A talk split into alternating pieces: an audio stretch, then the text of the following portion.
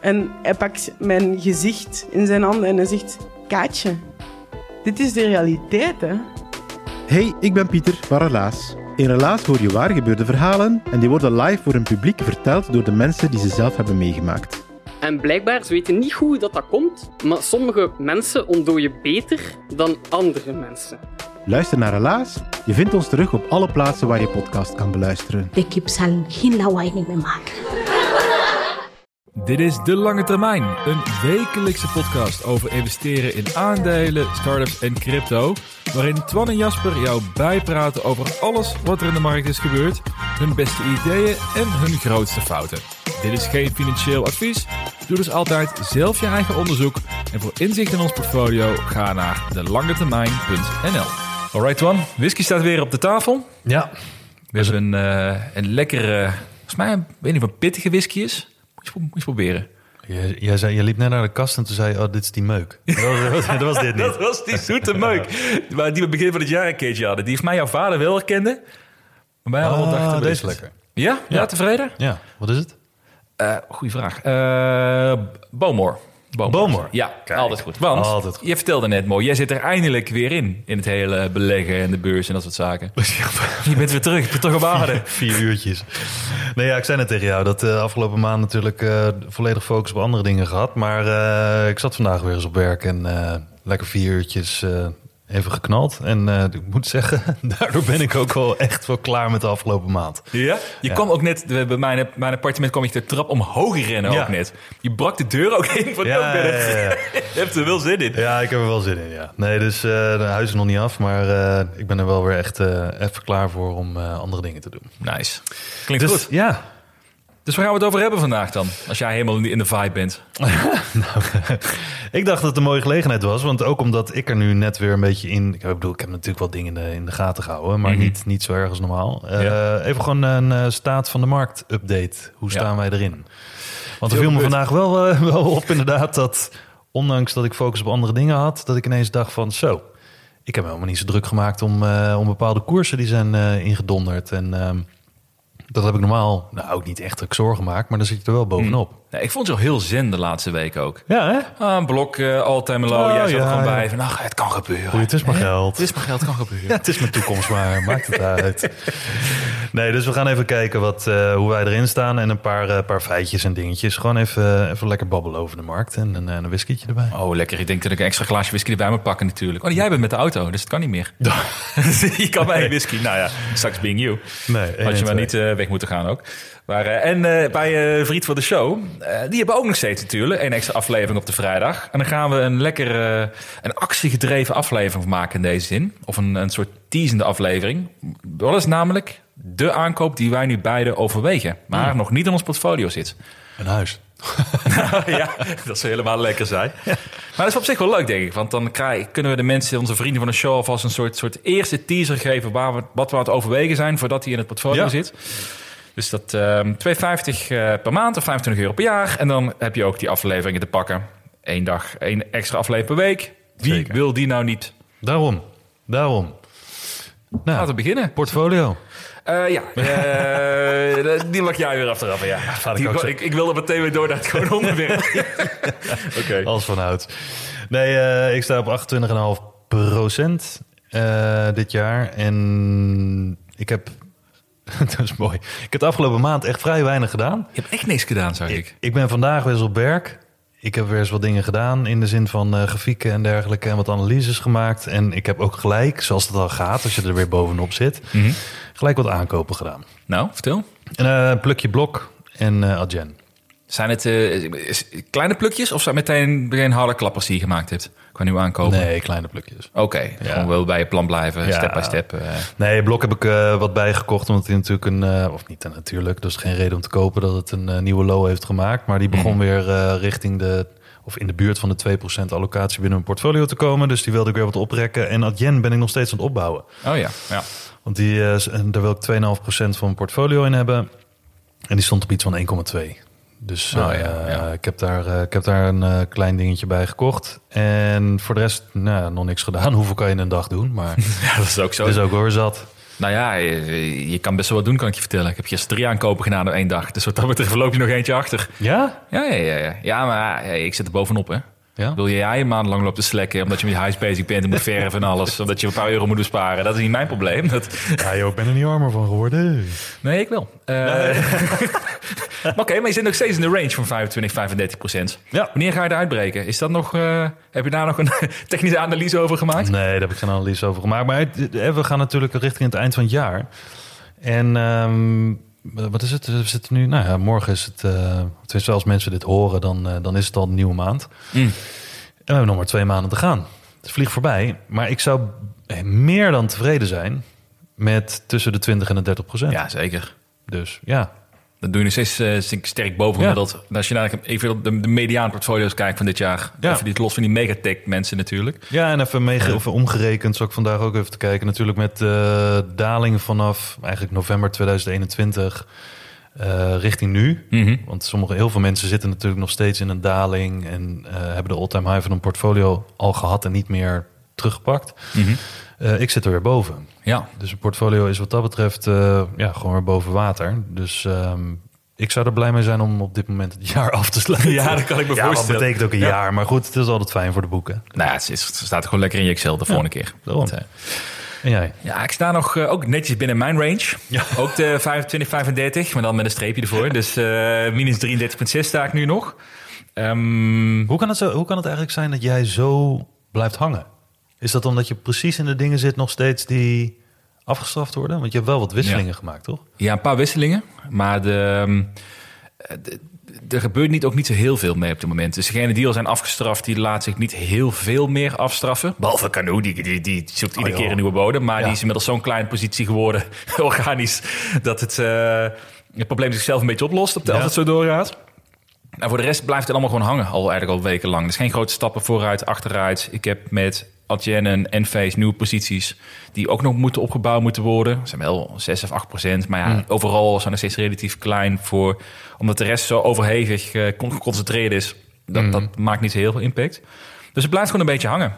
Ehm, wat ik wel gedaan heb, ik denk wel nu voor de komende maanden. Dus ik ben heel benieuwd. Als de markt mee gaat zitten, gaan we het natuurlijk zo over hebben. Dan ga ik dat wel merken, denk ik. Ik ben nu wel. Ik zit nu wel sterker nog in risk assets dan ik eigenlijk had eh, verwacht. Eh, omdat mijn posities in Ethereum zo fors verhoogd is. Wat natuurlijk gewoon een risk asset is. Ja. Eh, ik heb nu een Bitcoin positie geopend. Wat natuurlijk ook behoorlijk volatiel blijft. Eh, ik heb ook Enphase trouwens opnieuw gekocht. En bijgekocht deze week. Want die was weer flink gedaald. En dat eh, vond ik wel een mooie kans om langzaam uit te bouwen. En ik vind ik een mooie. En we gaan over een paar jaar of maanden, jaar zien of dat een catching the knife verhaal is of niet. Maar Origin Materials heb ik bijgekocht.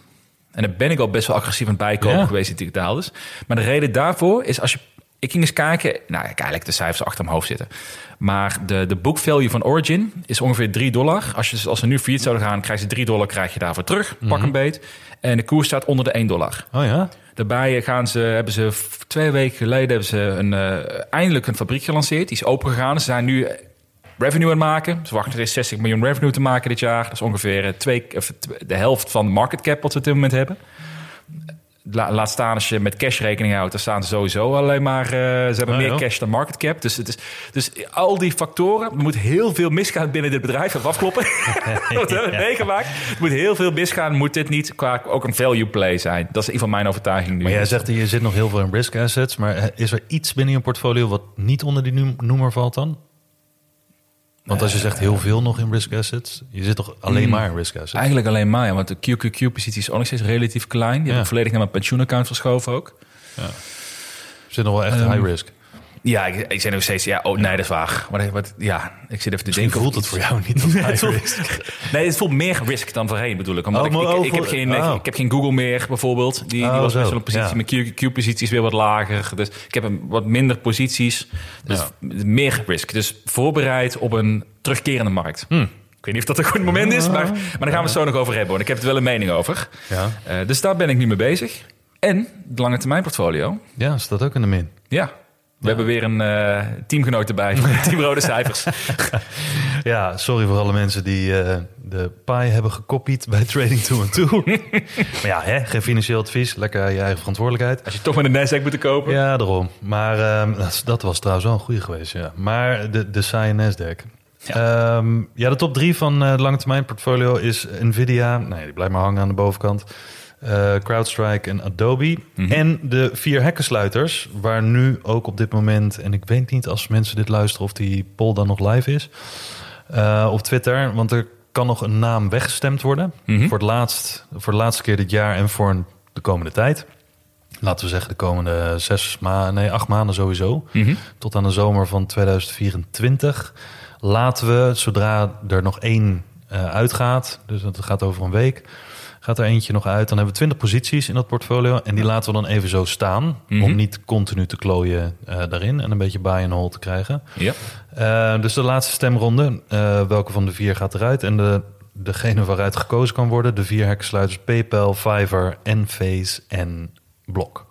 Ben ik heel benieuwd. Of het gaat jouw blok eruit, of mijn Enphase gaat eruit. Ja, nou, ik zat de op PayPal van velen, waar veel mensen volgens mij in zitten sinds die eh, koersdaling. Blijft ook maar dalen trouwens, hoor, PayPal. Ja. Het zijn ook op 50 nu geloof ik, terwijl rond, onder de 60 dacht iedereen, ah, dat kan niet lang. Dat kan niet Ja, lang ik zie, zo. ik zie er zoveel die echt eh, heel langs een langzame dood eh, sterven, om Mm. het zo maar te zeggen. Maar tot nu toe, ik heb even gekeken snel naar de, eh, de stand tot nu toe eh, op de poll. En dat was Fiverr die wat Ah, ja, ja. Die zit er ook een tijdje tegenaan te hikken, ja. ja. Ja, dus misschien dat blok bespaard wordt. Maar zo niet, dan neem ik het lekker over, joh. Koop ik alles. Ja, toch? Ja, joh. Ik hoop je alle aandelen. Groot aandeelhouder blok. Huppakee. De lange termijn portfolio wordt jouw exit liquiditeit. Ja. Dat,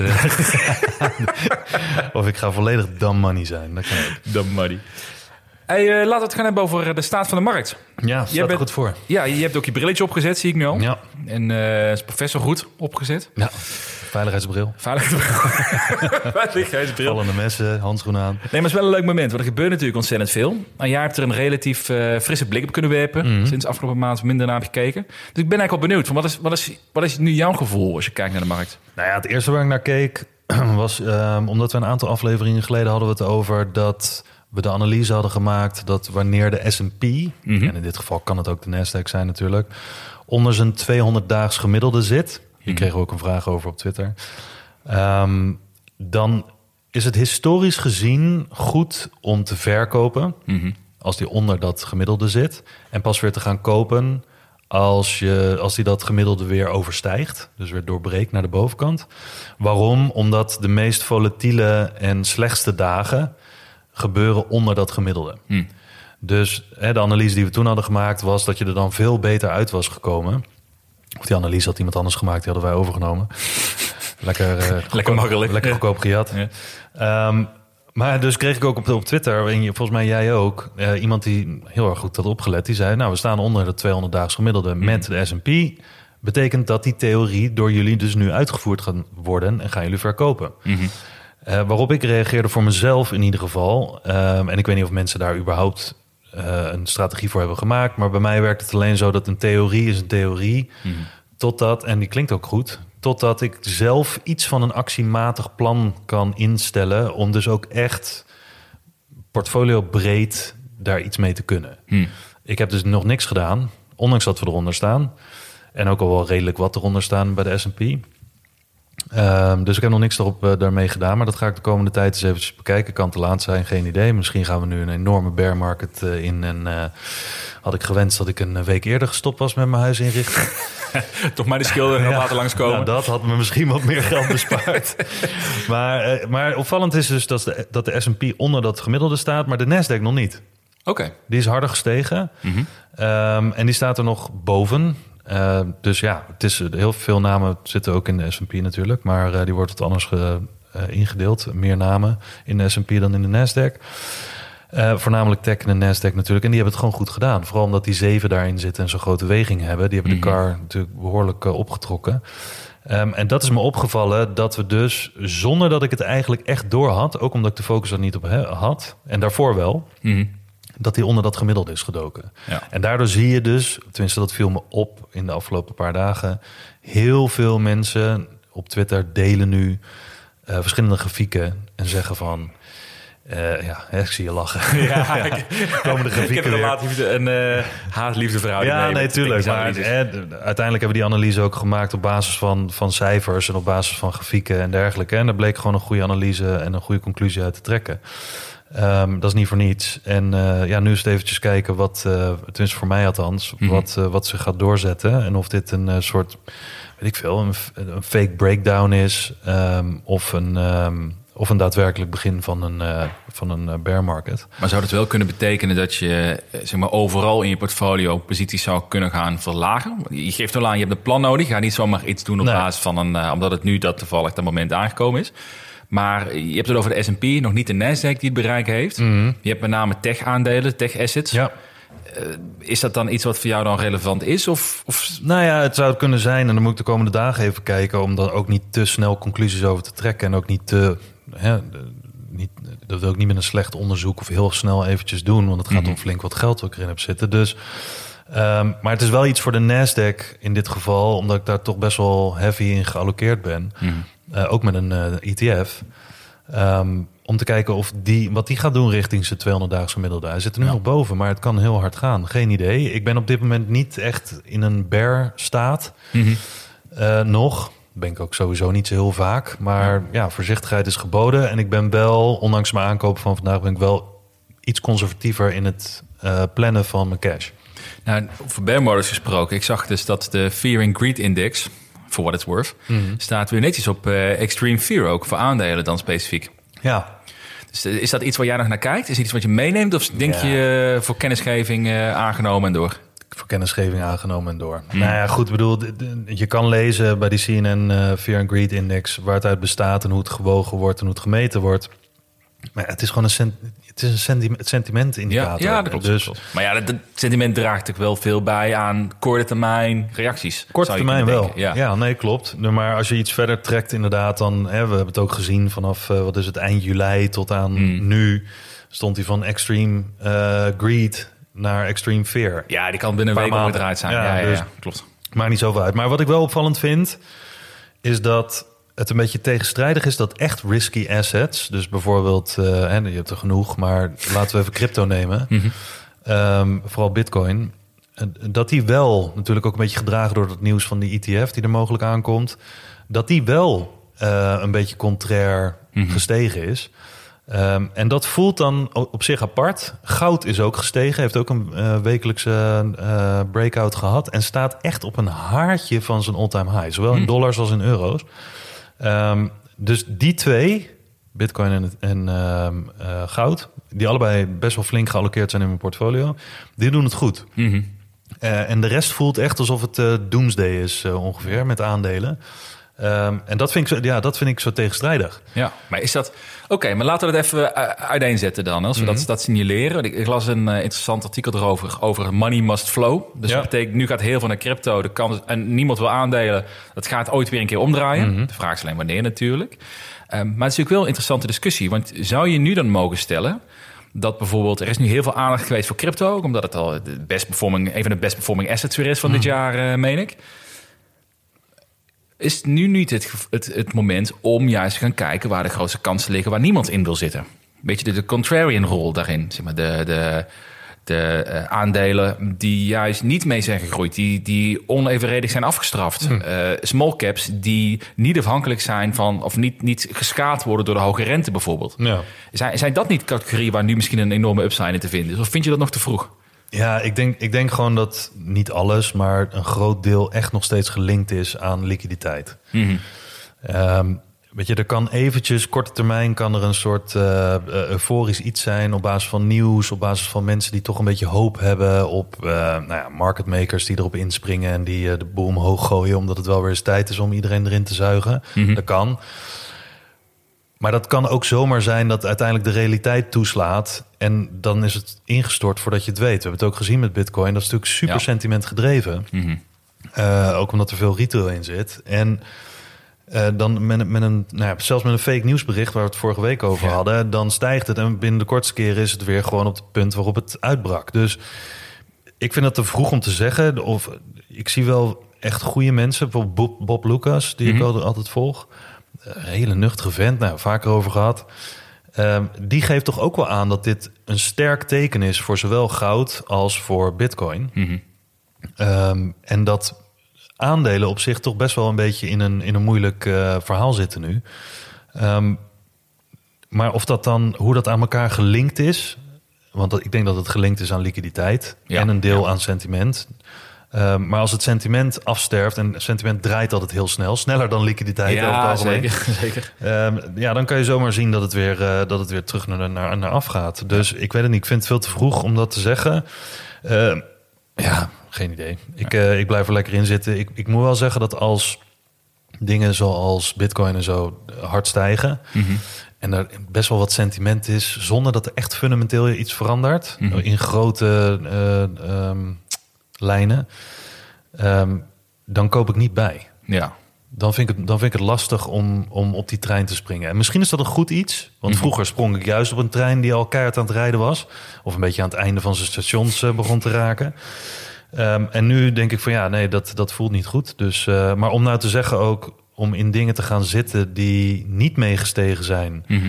Ehm, en vervolgens eh, nu misschien een goede potentie hebben om in te stappen, omdat ze heel erg afgestraft zijn, om vervolgens een, een trein mee te pakken. Ja, er is een reden waarom sommige dingen niet stijgen. Precies. Precies. En als, als er veel dingen wel stijgen en die blijven achter, waarom zou als bijvoorbeeld het verslechtert qua economische situatie, waarom zouden ineens die dingen die al niet meestegen in een betere situatie nu in één keer omdraaien? Klopt, Dus Nee, dat is waar. En dat is natuurlijk het gevraag van... oh, het is zoveel gedaald, dus het is niet ontzettend cheap om te kopen. Dus dat, dat gaat vast wel ja, goed niemand komen. Dat is- praat dat erover. De- de- iedereen heeft het links laten liggen. Dan moet ik er juist in gaan zitten. Precies, dat, is een hele levensgevaarlijk als dat je enige thesis is. Ja. Ehm, mijn, op dit moment zegt mijn gevoel, dan gaan we een beetje vooruitkijken. Maar dit is op zich leuk om over te speculeren. Ik heb wel wat cijfers gelezen de afgelopen weken over de, de, de schuldenlast, met name in Amerika. eh, dat al langzaam dingen echt beginnen te breken. Dat de, de creditcardschuld van de mensen nog nooit zo hoog is geweest als nu Ja. het geval is. Dat de mate waarbij ze, wat ze nu aan een, aan inkomsten hebben uitgegeven aan een huis, nog nooit zo hoog is geweest. Dus daar staan punten gewoon op, op het moment van breken. Ja. En ook dat de overheid, de schuld die zij hebben, is gewoon niet meer bol te werken zoals het op dit moment is eh, met de huidige rente die er Ja. is. Ehm, dus ik kan mij best een scenario voorstellen dat de overheid, zeker ook in een, in een, als taak de, de politieke jaren gaan komen, nieuwe presidentsverkiezingen, dat ze toch weer ervoor gaan kiezen om die geldkraan open te zetten, rentes te verlagen. Iedereen wel, halla, dat komt allemaal goed en jada, jada, jada. Ja. Tussendoor een hele lucratieve oorlog eh, ergens Ja. weer in het, in het Midden-Oosten erin poppen. Want dan zijn ze wel goed natuurlijk, die Amerikanen. En de oorlog is lucratief. Even los van wat het natuurlijk moreel betekent. Maar ik denk dus dat het best een scenario is dat de rente dus weer flink omlaag zullen gaan. Liquiditeit weer gaat springen. En dat het probleem wat er al tien jaar plus is met de liquiditeit, met de schuldenlast. Dat dat weer een paar jaar vooropgeschoven wordt. Ja. Want die knal gaat er ooit komen. Ja. Dat, ik denk dat, dat iedereen, tenzij er iets, iets, iets groots verandert en heel erg deflationair is qua inflatie of qua innovatie wat eraan komt, maar ik denk niet dat het zo snel gaat, gaat er een enorme bust komen. Dit is bijna niet goed gegaan, zonder te willen doemdenken. Ja. Maar met dat scenario in gedachten, daarom vind ik het interessant om nu langzaam te gaan kijken naar assets die in zo'n situatie weer goed kunnen gaan gedijen. Ja. Maar misschien is dat wel net iets te vroeg en net iets te speculatief. Dat is een beetje mijn gevoel erbij op dit moment. Nou ja, kijk, ik bedoel, uiteindelijk kan je zeggen inderdaad, het, het, heel veel wordt gedreven door Amerika. En Amerika krijgt natuurlijk inderdaad wat je zegt, de verkiezingen. Ehm, als mensen zich onveilig voelen, ehm, en onveilig kan in je portemonnee, kan in je bestaanszekerheid, kan in je gezondheid zijn, ehm, dan is het beste middel is veiligheid. Ja.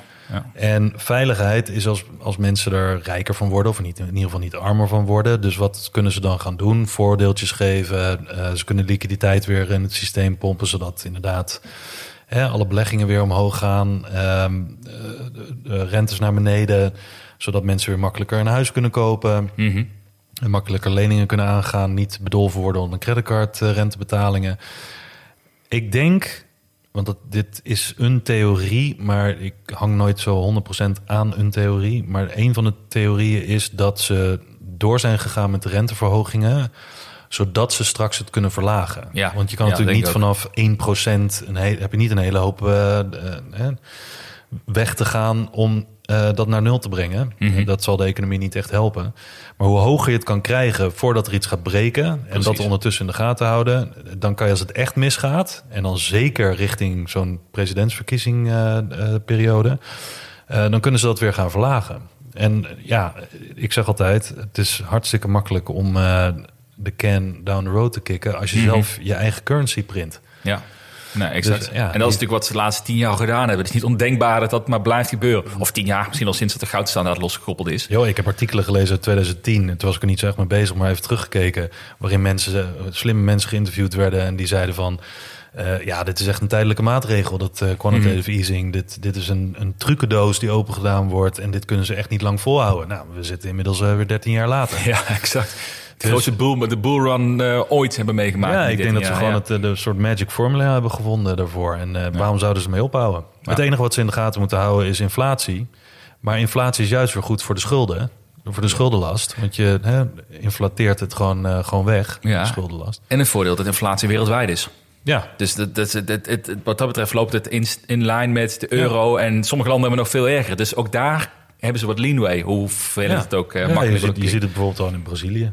Nou ja, exact. Maar dat is inderdaad mijn, mijn, een van mijn redenen om... ehm, een, scenario waar ik me achteraf houd om niet te bang te zijn nu. Ja. Om in dat soort van meer assets te zitten die, waarbij meer liquiditeit een enorme boost kan geven. Die zo zwaar zijn afgestraft dat, ze dat, dat dat heel snel zou kunnen gaan. Ja, zolang je zelf maar liquide kan blijven. In Ja. de zin van, zolang je zelf maar je schaapjes op het droge hebt... dat je het de tijd kan geven. Mhm. Wat ze letterlijk ook zeggen. Beleg alleen met geld wat je voor een langere tijd kunt missen. Ja, ja, ja. Want het kan natuurlijk lang duren. Mhm. Want we dachten vorig jaar al dat dit een ommezwaai zou gaan betekenen. En vervolgens krijgen we een soort halve boelmarkt. Eh, en mensen zeggen, nou, het is voorbij. En eh, we hebben meerdere keren in de podcast gezegd... van, nou, ik denk niet dat die renteverhoging nog meer doorgaat. Nou, Ja. Het kan allemaal langer Ja. duren. En ondertussen zitten mensen zitten een jaar lang een beetje op, op zwart zaad. ja. En zijn een baan kwijt misschien. Of kunnen, hè, hebben ervoor gekozen om eh, financieel adviseur te worden... omdat ze zo goed zijn in beleggen. Weet je, veel. Ik had het bijna ooit gedaan. Weet je trouwens? Ik denk dat heel veel mensen dit herkennen. En dan gaan we dingen door naar de earnings. Wat het ongeval is. Maar ik had een, ehm, ik heb een moment gehad in 2020. Toen had mijn portfolio stond op plus 130% of zo geloof ik. Met Ja. al die, die spec-aandelen belachelijk hoog gingen. Ik heb oprecht in een moment van verstandsverbijzing... werd ik achteraf gedacht... Misschien moet ik gewoon een fonds gaan starten. gewoon een, een innovatie, groeifonds. Dit, dit is zo makkelijk. Dit is... ik denk dat heel veel mensen dat kunnen herkennen. Maar ben ik blij dat dat niet gelukt is Oh, jongen. Had ik in de bak gezeten waarschijnlijk. Met Sam Ja, Bankman-Fried ik naast me. Oh, en, dan, en dat voor eh 2% per jaar in de, 2% per jaar in de bak zitten. Ja? Lekker. Management fee, hoi. Oh man, dat waren, wat waren dat mooie tijden. Ja. Dus, eh, Oké, maar even een conclusie. Wat is, wat is jouw gevoel als, als je het heel Nou, kort afrondt? Mijn gevoel is een beetje van wat ik er nu een, een beetje met mijn oor aan, aan, de, aan de rails heb eh, gelegen. Ehm, we zitten best wel op een kruispunt.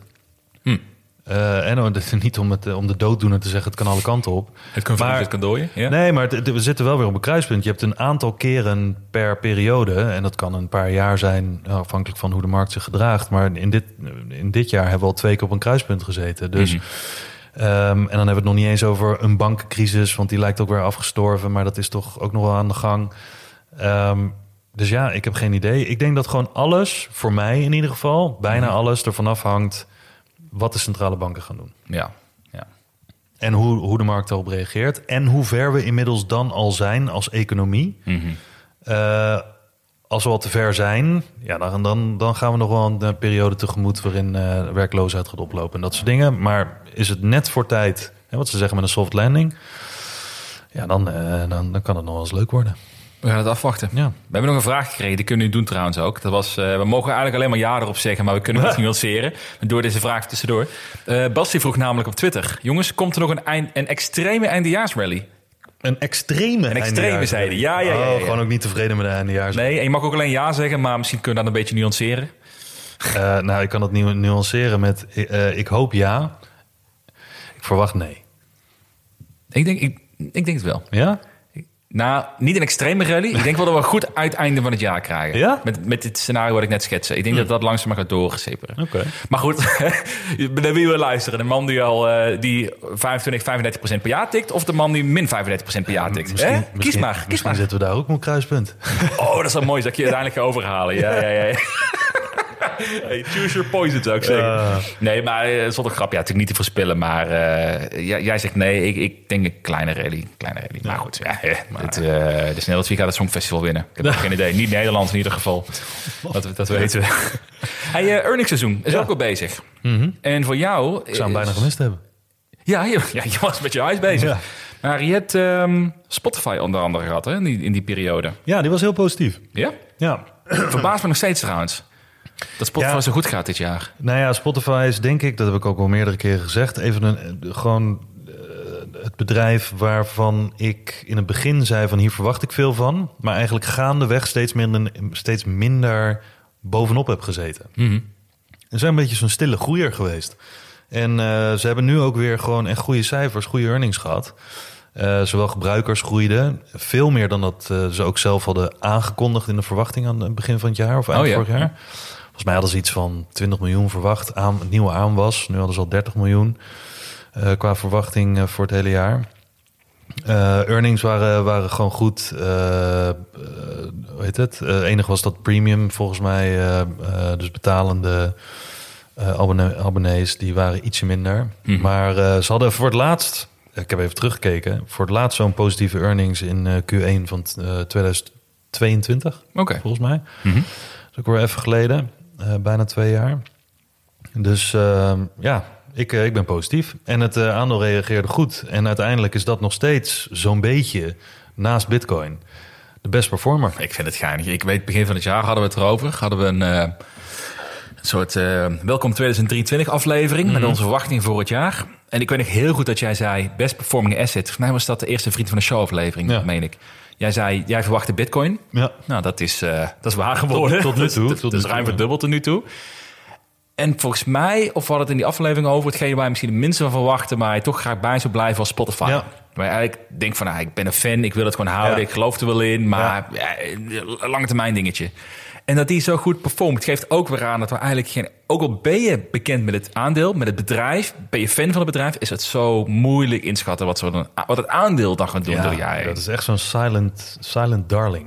Ja, bedoel, ik ja. zou het niet zo snel van de hand doen. Ook heb ik wel getwijfeld hè, de afgelopen periode om te denken van... Hè, zal ik dit van de hand doen en dan gewoon consolideren in bijvoorbeeld de Nasdaq ETF?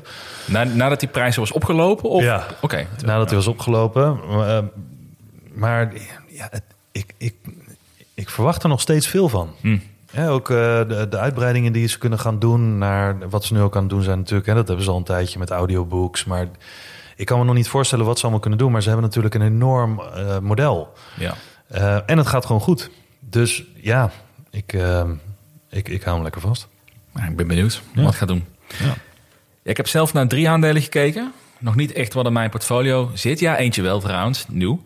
Ehm, maar ik moet zeggen, ik zit ook iets minder op die earnings calls te volgen. Ik ben ook even iets meer op de, op de, op de achtergrond gaan zitten, bewust erin. En wat minder aandelen, dat maakt het makkelijker. En bij moet ze allemaal nog komen bijna. Maar ik had er drie uitgelegd die ik wel interessant vond... om even heel kort bij stil te staan. Eh, ik heb natuurlijk gekeken naar Google... want dat blijft mijn favoriete megacap in die zin. Die daalde 10% of zo, 12% geloof ik naar earnings. Wat, ik, wat echt waanzinnig veel is voor een megacap van eh, Ja. een van de grootste bedrijven Ja. ter wereld. En wat ik ervan las, ik had het rapport gelezen. Ik had ook wat analistenreacties even gelezen erop. En eigenlijk kwam het op neer, ja, eh, fantastische resultaten overal. Maar ja, die cloud omzet viel een beetje tegen. Ja. Min 12 De omzet doen nog steeds plus 11% per jaar. Eh, De, de winsten wat ze maken is waanzinnig. Ik heb gekeken ook naar de, de marges die ze maken. Heb ik vergeleken met de afgelopen kwartalen. Ook niks geks in te zien. Ook allemaal volgens niveau. Dus ik denk, wat is dit voor een reactie joh, op, op Google? Het is ik begrijp het niet. echt- Het is allemaal echt price to perfection, hè, bijna. Of tenminste de verwachtingen althans. Ja, zou ik denken. Alleen Google is niet eens zo'n heel duur aandeel. Nee, niet, niet in die zin price to perfection, maar qua verwachtingen. In de zin van, de, de lat ligt steeds hoger om te voldoen Ja, ja. Aan, aan allerlei eh, verwachtingen. Dus ik denk ook dat, omdat er tegenwoordig zoveel dingen worden toegelicht, ook in zo'n earnings call, omdat er heel veel segmenten apart worden uitgelicht. Dat als er nou, van de vijf dingen waar, waar een bedrijf mee bezig is, dat er eh, vier dingen helemaal fantastisch zijn. Maar eentje die bijvoorbeeld, in dit geval cloud, die dan de afgelopen jaren enorm is opgekomen. Nu een klein beetje een plafond heeft bereikt.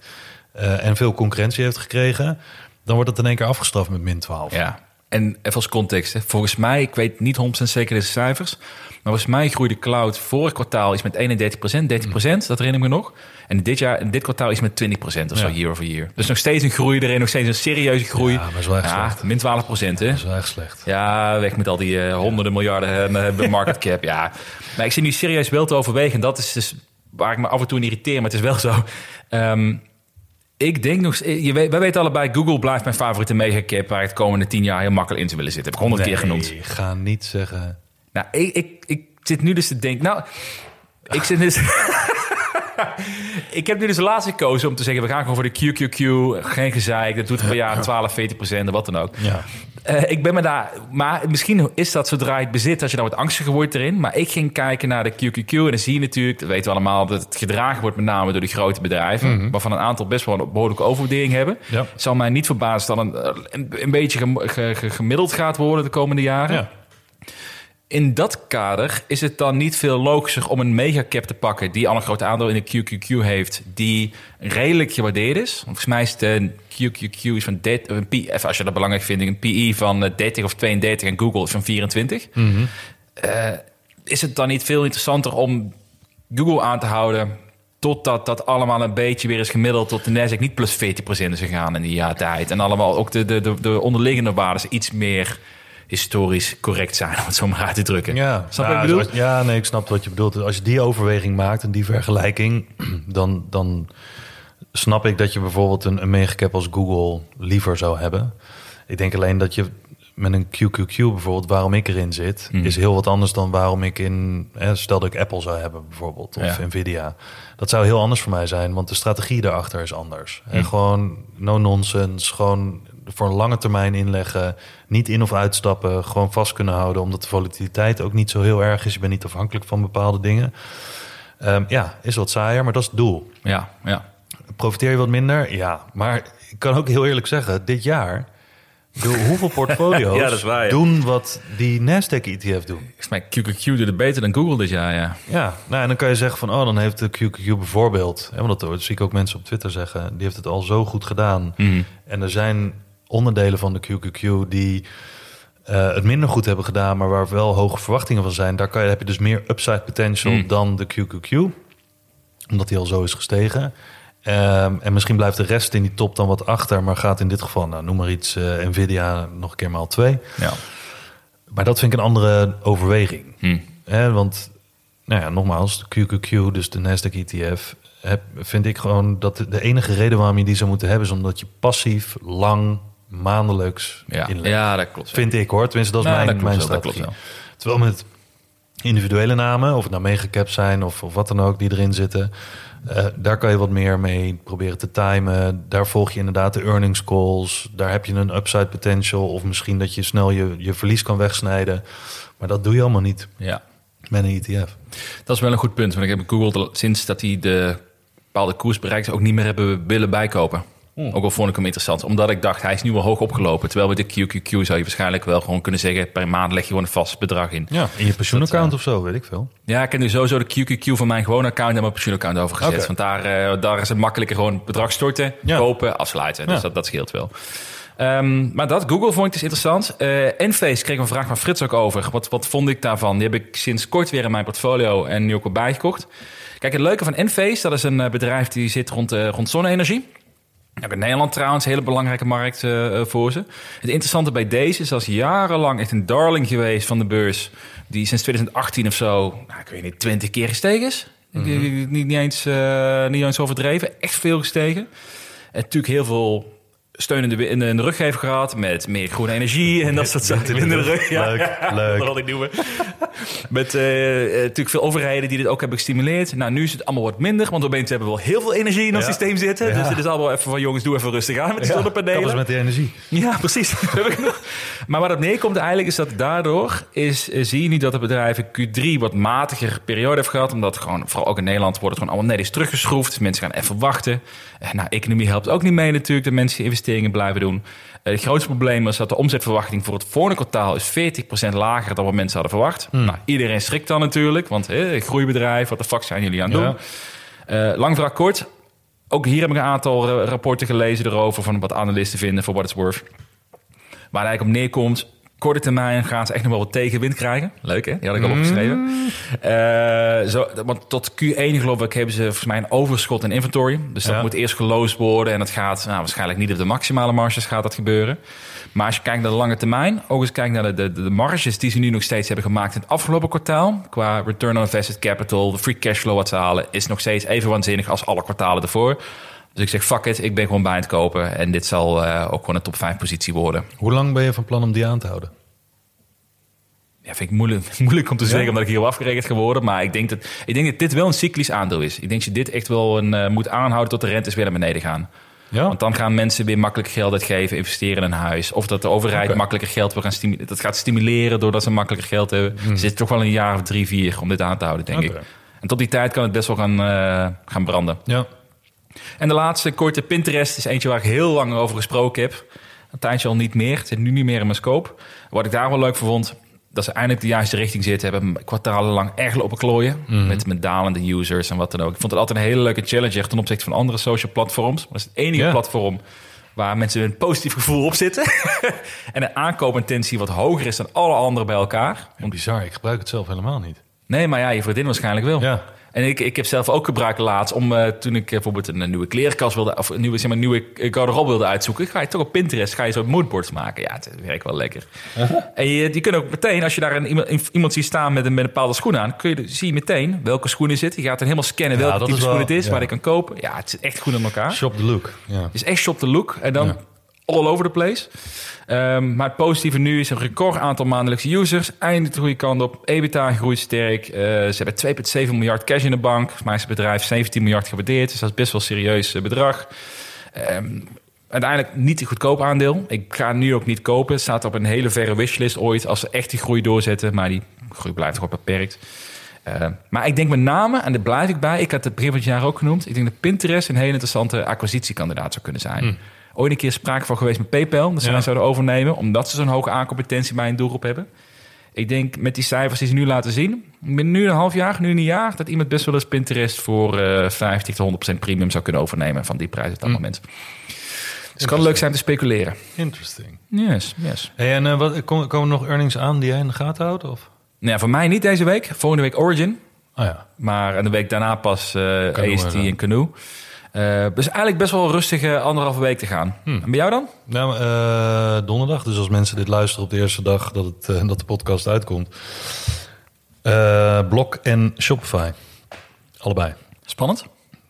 Ja, nou, de Shopify niet zo spannend, denk ik. Eh, Blok wel. Want ja, heel eerlijk, ik bedoel, die is zo zwaar afgestraft. Ja. Dat als die resultaten tegenvallen, dan, eh, dan kan het nog wel eens even flink door het putje. Ja. Eh, terwijl het al door het putje is gegaan. Maar nog even aanstampen en uh, de afvoerpijp eroverheen. Ja, Ja, ja, joh. ja. Doe Ja, het. fintechs hebben sowieso niet makkelijk natuurlijk. Nee. Ja. Maar ik zou mij, zonder dat ik jou complex ga aanpraten... eh, ik zou me meer zorgen maken over Shopify. Waarom? Omdat Shopify... Ik vind het een super interessant aandeel. Hè? Dus ik zou hem graag willen hebben. Dus ik zeg, laat die boel maar dalen. Maar de reden waarom ik het zeg is dat er nog steeds... best wel een, best wel een, een hoog gewaardeerd aandeel is. Eh, dit jaar ook best flink gestegen. Toch wel 60% gestegen denk ik dit jaar. Volgens mij 25 begin het jaar of zo. Ja. Dus, dus zij moeten daar echt een hele sterke earnings call neerzetten. Anders zou het best kunnen dat ze natuurlijk meegaan in dat putje met al die andere van dit soort type bedrijven. Dus dat is een beetje waar ik mij zorgen over zou kunnen maken. Maar Ja, nou ja, goed. Het enige waar ik me zorgen over zou maken als ik dat zou hebben bij Shopify, is dat de verwachtingen hoog zijn. Mhm. Eh, en dat die niet helemaal waargemaakt worden. Maar dat, dat zou ik in dit geval. Ik bedoel, het bedrijf is gewoon. eh, zit op een sterk pad. ja, ja en, niks eh, om zorgen goed over maken. gemanaged, goed gemanaged en dat soort dingen. Dus ik maak me daar niet zorgen over. Misschien voor de korte termijn dat het wat tegen zou kunnen vallen en dat het dan een rebound nodig heeft. Maar ja, dat is wat anders dan blok. Da- Mhm. Daar maak ik me toch echt wel meer zorgen over. Niet over het bedrijf zelf, maar wel over het sentiment. Ja, de korte termijn koers ja. wat daar, daarin kan gaan gebeuren. Ja, ja. En ook omdat echt wel heel veel mensen... en ik zie, dat, ik zie dat niet hetzelfde. Dat vind ik dan altijd wel interessant. Dat heel veel mensen zeggen dat Jack Dorsey, hè, de CEO... dat hij de oorzaak daarvan is. Denk Ja, niet aan aandeelhouders. Ze hebben natuurlijk wel echt gewoon... een stevige stock-based compensation... eh, eh, toestand aan de gang. Ja, maar goed, net zoals veel andere bedrijven Ja. die ook goed presteren op de beurs. Nou, daarom. Dus, Ja. Maar goed, daar wordt, wordt natuurlijk één, één persoon voor afgerekend. ja. Dus eh, ik ben benieuwd. Donderdag, ik, ik ga ervoor zitten. Ik ben benieuwd ook. Zeker omdat dus die fintechs de laatste weken behoorlijk worden afgeschroefd... en dat de cijfers allemaal wat meer tegenvallen in dit klimaat. Dus eh, we gaan het zien. Ja. En we hebben nog eh, twee eh, luistervragen hebben nog, te gaan. Eentje moeten we denk ik wat uitgebreider over hebben in een volgende aflevering. Maar leuk om die vast in de week te leggen. En dat is namelijk Sam, die heeft eigenlijk al een terechte vraag. Van, hij zegt, de overheid is bezig met vermogensaanwasbelasting, vermogenswinstbelasting. Het eh, stiekem hebben ze die, dat percentage van box 3 naar 36 procent nu verhoogd. Dus dat het wordt alleen maar leuker voor mensen die wel winst maken met beleggen. Zijn er wel eens belastingen leuker geworden? Nee. Nou, nou, nou, dat zou zomaar kunnen. Wat ik las, maar ik zit er maar half in. eh, dat je dus ook straks, dus je verliest van beleggingen, kan gaan aftrekken van je belasting. En dan wordt het wel leuker voor tien rode cijfers. Nou, er, er komen ook verkiezingen aan, hè? Dus, eh, Ja, dat, ja. ja, maar goed, bedoel, ja, hoe, ga je, hoe gaan jullie om met de impact van al die nieuwe belastingregels rondom dat soort dingen? Ja, weet je, ik zou kunnen zeggen, daar ga ik heel handig mee om en ik heb een heel schema wat ik daarvoor doe en ik weet de ins en outs en dergelijke, maar heel erg ben ik er niet mee bezig. Ik, ik, ik merk dat ook mensen om me heen wel echt een beetje aan het twijfelen zijn of ze dan bijvoorbeeld veel dingen cash moeten zetten en dan terug naar een spaarrekening Mhm. omdat het dan minder belast wordt. Ehm, en dan vervolgens misschien ergens in Q2 weer eh, van het volgend jaar weer eh, te gaan beleggen. Mm. Ja, dat broekzak, vestzak voor die paar procent. En het, voor sommige mensen is het echt heel veel geld. Dat snap Ja. ik ook wel. Ehm, want als jij ja, gewoon een rendement hebt van, van, van misschien een procentje... en Mhm. je wordt geacht om veel meer rendement te hebben... en je wordt er zwaar op belast... ja, dan kan je natuurlijk zeggen van... oké, overheid, waar de hel heb je dat rendement vandaan gehaald? Uit je Mhm. broekzak getoverd van... hoe, hoe gaan mensen dit halen? Ja. Ehm, dat is niet realistisch. Ja, dat kan. Maar ik heb mezelf altijd aangeleerd... dingen die ik niet onder controle heb... daar, eh, daar ga ik me niet op focussen. Ja. En eh, ja, ik zal er ongetwijfeld eh, last van hebben. Mhm. Maar aan de andere kant heb ik ook natuurlijk enorm veel potentie... om er zelf wel controle op uit te oefenen. En dat is gewoon beter te beleggen. Ja, ook dat. Nou, ik denk eigenlijk met twee dingen over. Ik denk ten eerste, als je zoveel vermogen hebt dat dit echt impact voor je maakt, dan heb je een boekhouder die je perfect gaat uitleggen hoe het werkt. Ja, precies. En want die weet alle regeltjes waarschijnlijk hoe je je geld zoveel mogelijk kan besparen van de Belastingdienst. Ja, een paar kunstwerken gekocht en die aan je muur gehangen. Of, eh, Een paar NFT's misschien, ik weet niet of dat nog zo werkt. of een ledger met heel veel bitcoin. Ben je, gaan varen ergens. Oh, ja. Oeps, oh, die is eh, gezonken. Ja, boonongeluk. Ja.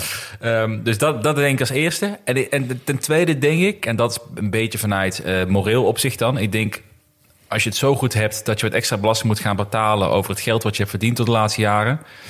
Nou ja, dan eh, vind ik dat niet heel zo heel erg. Als je in die luxe positie zit. Ja, maar ik denk dat, ik denk dat de eens, daar ben ik het mee eens. Maar er is natuurlijk wel echt de, de meeste mensen die hierdoor worden geraakt, in mijn optiek, Ja. zijn de mensen die onder die grens van die Nee, zeker. Het is de, de middenklasse die, Ja. die natuurlijk hard geraakt Ja. met deze maatregelen. Ja, zeker. Ja. Dus het voelt dus- heel oneerlijk. Ja, dus dat wordt redelijk uitgehold. Maar je kan natuurlijk, dat, en niet om te zeggen dat Sam dat doet, maar ja, je, er zijn zoveel dingen, wetten, eh, belastingmaatregelen, weet ik veel wat allemaal. Ja, daar heb je maar mee te dealen. Ja, ja. En eh, ik zie, ik zie echt mensen ook zeggen op Twitter op, op basis van dit onderwerp: ik ga verhuizen, ik ga emigreren.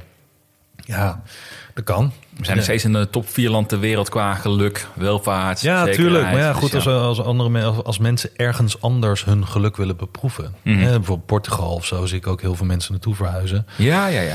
Gunstig klimaat, eh, zowel fiscaal als, eh, als, als lekker weer. Ja. Ehm, ja, dan moet je dat doen. Nee, dat is, precies. Dat is, dat, is, dat is ook prima in die zin. Ik merk alleen, maar dat is meer, misschien meer een persoonlijk dingetje. Eh, Ik merk als ik met vrienden of met mensen praten van die, die het minder financieel iets, iets minder zekerheid hebben erin. En ik ga klagen over dat ik misschien een Ah, procentje meer ja. belasting moet betalen per jaar. Dan, dan zak de schaamte een beetje in, mijn- in mijn sokken, zeg maar. Ja, dat, nee, zo diep gaat hij. Nee, tuurlijk, tuurlijk. Maar goed, misschien is dat iets te moreel gezien hoor. Eigenlijk wil je natuurlijk, ja, wat je zegt klopt wel. De middenklasse wordt het hardst geraakt met dit soort dingen. Maar ja, goed, wat je zegt, shit happens. En we hebben ook ja. jaren in die zin, niet om daar raar over te doen. Er zaten ook nadelen aan. Maar we hebben jaren gewoon met flinke rendementen eh, Mhm. wel een eh, fictief heel laag eh, percentage gehad. Dus ja, ja, lekker op vermogen focussen. En dat was de beste manier om Ja. de belasting een beetje te verminderen. Nou, exact. Hey, en de ehm, leuke vraag die jij eens mij gekregen hebt van Tim. Ja. Worden jullie niet eens moe van beleggen en steeds meer weer met koers en nieuws bezig te zijn? Asking for a friend. Asking for a friend. Ja, hier ging een berichtje aan vooraf. Dat, eh, ik weet niet meer precies wat hij zei, maar ehm, dat, hij, dat de moed hem in de schoenen eh, aan het zinken was. Van het zak, hoe noem je het? Ehm, en dat hij zei van, joh, je bent er zo vaak zoveel mee bezig. Ehm, en hij ook. Maar hij werd er echt moedeloos van. Hij zei, het ene, ik, ik droom erover, ik sta ermee op, ik ga ermee naar bed. Eh, ik heb met vrienden er alleen maar over, ik zoek alleen maar bevestiging. Mhm. En dat is natuurlijk vaak als het niet lekker gaat, Ja, denk ik. ja, ja. Ehm, maar of ik er wel eens moe van word, ja, zeker. Ja, Eh, heel eerlijk. Ik bedoel, ik, ik heb ook wel eens behoefte Net zoals nu de afgelopen maand. Nee, maar dit is een goede, Ja, een ja goede maar het is bevestiging. gewoon goed geweest hier om daar even eruit te gaan. Ja, een het is een goede Ja. bevestiging dat je af en toe, en ik denk dat dat met alles is, hè, social media of wat dan ook, of eh, weet ik veel, eh, dat je een keer maandenlang slecht hebt gegeten of te veel uit bent geweest of dat Ja. soort dingen. Dan krijg je een beetje dat de pendulum terugswingt Mhm. en dan eh, wil je een beetje, eh, een beetje ervan af. Ja. Ja, gewoon eens een beetje op pauze zetten, gewoon een eh, soort hiatus. Ehm, dat heb ik ook wel eens. Ik denk, ik heb een stelling om daar één kort op door te gaan ook. Zouden wij, of misschien moet, kunnen we allebei los bespreken, zouden we betere resultaten boeken met beleggen als we er niet de behoefte hadden om daar iedere week over te praten in een podcast op Twitter, om daar continu mee bezig te zijn, verantwoording te geven, want ze voelen het soms een beetje. Denk, waar waren we dan beter af geweest? Ehm, vind ik moeilijk om te zeggen, maar ik denk wel dat wat ik heb gemerkt in de afgelopen maand, om dat maar als voorbeeld te nemen, en ik heb het natuurlijk al een paar keer eerder gehad in de afgelopen 17 jaar, maar ik merkte wel dat je wordt minder getriggerd als je focus daar minder op ligt. Ehm, dus je maakt ook minder domme beslissingen. Eh, of minder vaak, laat ik het zo zeggen. Je vangt wat minder vallende messen op, maar je wordt ook wat minder gestrest over dingen die je niet onder controle hebt. Ik bedoel, een maand kan je prima voorbij laten gaan. En dan zijn er dingen gebeurd. Maar ben ik nu een ander persoon? Nee. Ja. Eh, is mijn vermogen er heel slecht aan toe? Nee. Dus dat is weer een bevestiging dat je kan ook te veel ermee bezig zijn. En ook al doe je niks, alleen maar ernaar kijken. Daarom zeg ik ook vaak, als je twintig keer per dag naar je, naar je telefoon staart om te kijken wat de koersen doen. Het enige wat je daarmee doet, is jezelf in een staat van opperste eh, paraatheid brengen. Eh, en dat heeft ook te maken met je lichaam die dan adrenaline aanmaakt en dat soort dingen allemaal. Je cortisol, je krijgt stresshormonen, weet ik veel wat allemaal. Je kan niet meer ontspannen. Ja. Ehm, en dan, eh, soms is het wel eens goed om dat even te resetten. Zoals je lichaam ook met een detox dat af en toe even nodig heeft. ja, eens. Ja. Dus eh, ik denk dat het zeker goed is. Ja.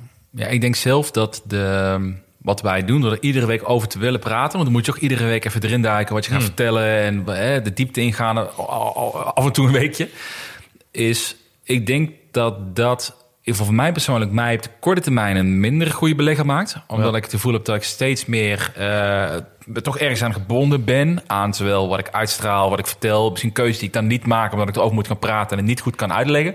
Of misschien omdat ik gewoon dingen wil vasthouden en ik gewoon helemaal geen behoefte heb om naar te kijken. Misschien moet ik aandelen, gewoon wil ik misschien zo'n drie, zes maanden gewoon laten liggen. En ik zie het wel zonder daar iedere week mee en, en, en het nieuws te moeten lezen en zien wat er gebeurt.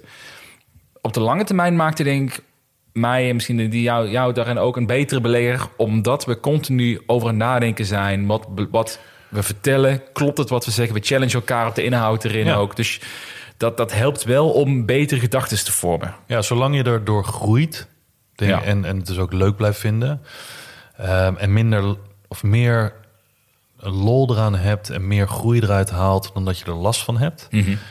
Dan denk ik dat het altijd zin heeft. Ja. Ik denk alleen dat je twee soorten resultaten hebt. Eén is je financiële resultaat, dus je rendement in dit geval met beleggen. Ik denk dat dat niet zoveel verschil maakt. Ik denk eerder dat als je vaker ermee bezig bent, dat je jezelf tekort doet. En dat je een slechter rendement gaat halen. Denk ik ook, Op de ja. korte termijn Ja, exact. sowieso. Juist omdat je zoveel met emoties en getriggerdheid bezig bent. Ehm, maar het resultaat van. Hè, dat hangt vanaf wat je ermee doet. Maar het resultaat van dat je echt ermee bezig bent en vaak ermee bezig bent. En dingen moet valideren en dingen moet uitspreken en dingen moet opschrijven. Ik denk dat dat leerzaam is. En ik denk dat het resultaat is dat je daardoor een. Nou ja, niet, niet zozeer een betere belegger, maar een meer complete belegger wordt. Ja. Als je dat wil. Hè? Ik bedoel, eh, mensen in een ETF zijn ook prima af. Nee, zeker. Maar ik had dus bijvoorbeeld ook mensen die veel op Twitter bijvoorbeeld een idee uit. Ik denk dat zij dit, dit sentiment best wel kunnen ehm, Ja. eh, eh, plaatsen ook in die zin. Ja. Maar ik ben het wel mee eens. Ik denk onderaan de streep, als je hebt over waar leed meeste van. Volgens mij is dat een Chinese uitspraak. Is dat van ehm, de beste manier om zelf te leren is door een leraar te willen zijn. Ja. Want dan moet je continu heel goed afwegen wat je wel niet wil vertellen. Je moet je voorbereiden op wat je gaat vertellen. Je moet krijgt feedback als het niet goed is. Dus Ja. dat is natuurlijk een beetje zonder dat wij een leraar willen spelen. Maar het, het helpt wel mee om voor onszelf dingen beter te Ja, je moet het kunnen uitleggen. ja. Maar ik zou het zo lekker vinden om af en toe een maand jeetjes te kunnen pakken. Ergens op een, eh, een of ander eh, boshutje te kunnen zitten. Geen internet. Gewoon Weet je, chillen. ik heb een tip voor je. Ja, heb je nog... eh, Ja, dan moet je verhuizen. Goeie vraag. en jij je huiscafé hebben, zeker. nou ja, ik zal het, ik zal het onthouden voor de volgende keer. Eh, wij gaan verder met de Vriend van de Show aflevering. Want wij gaan het ook over hebben. Mooi bruggetje. Mhm. Welk aankoop bij nu zouden overwegen? Dus weer een lekkere korte termijn trigger.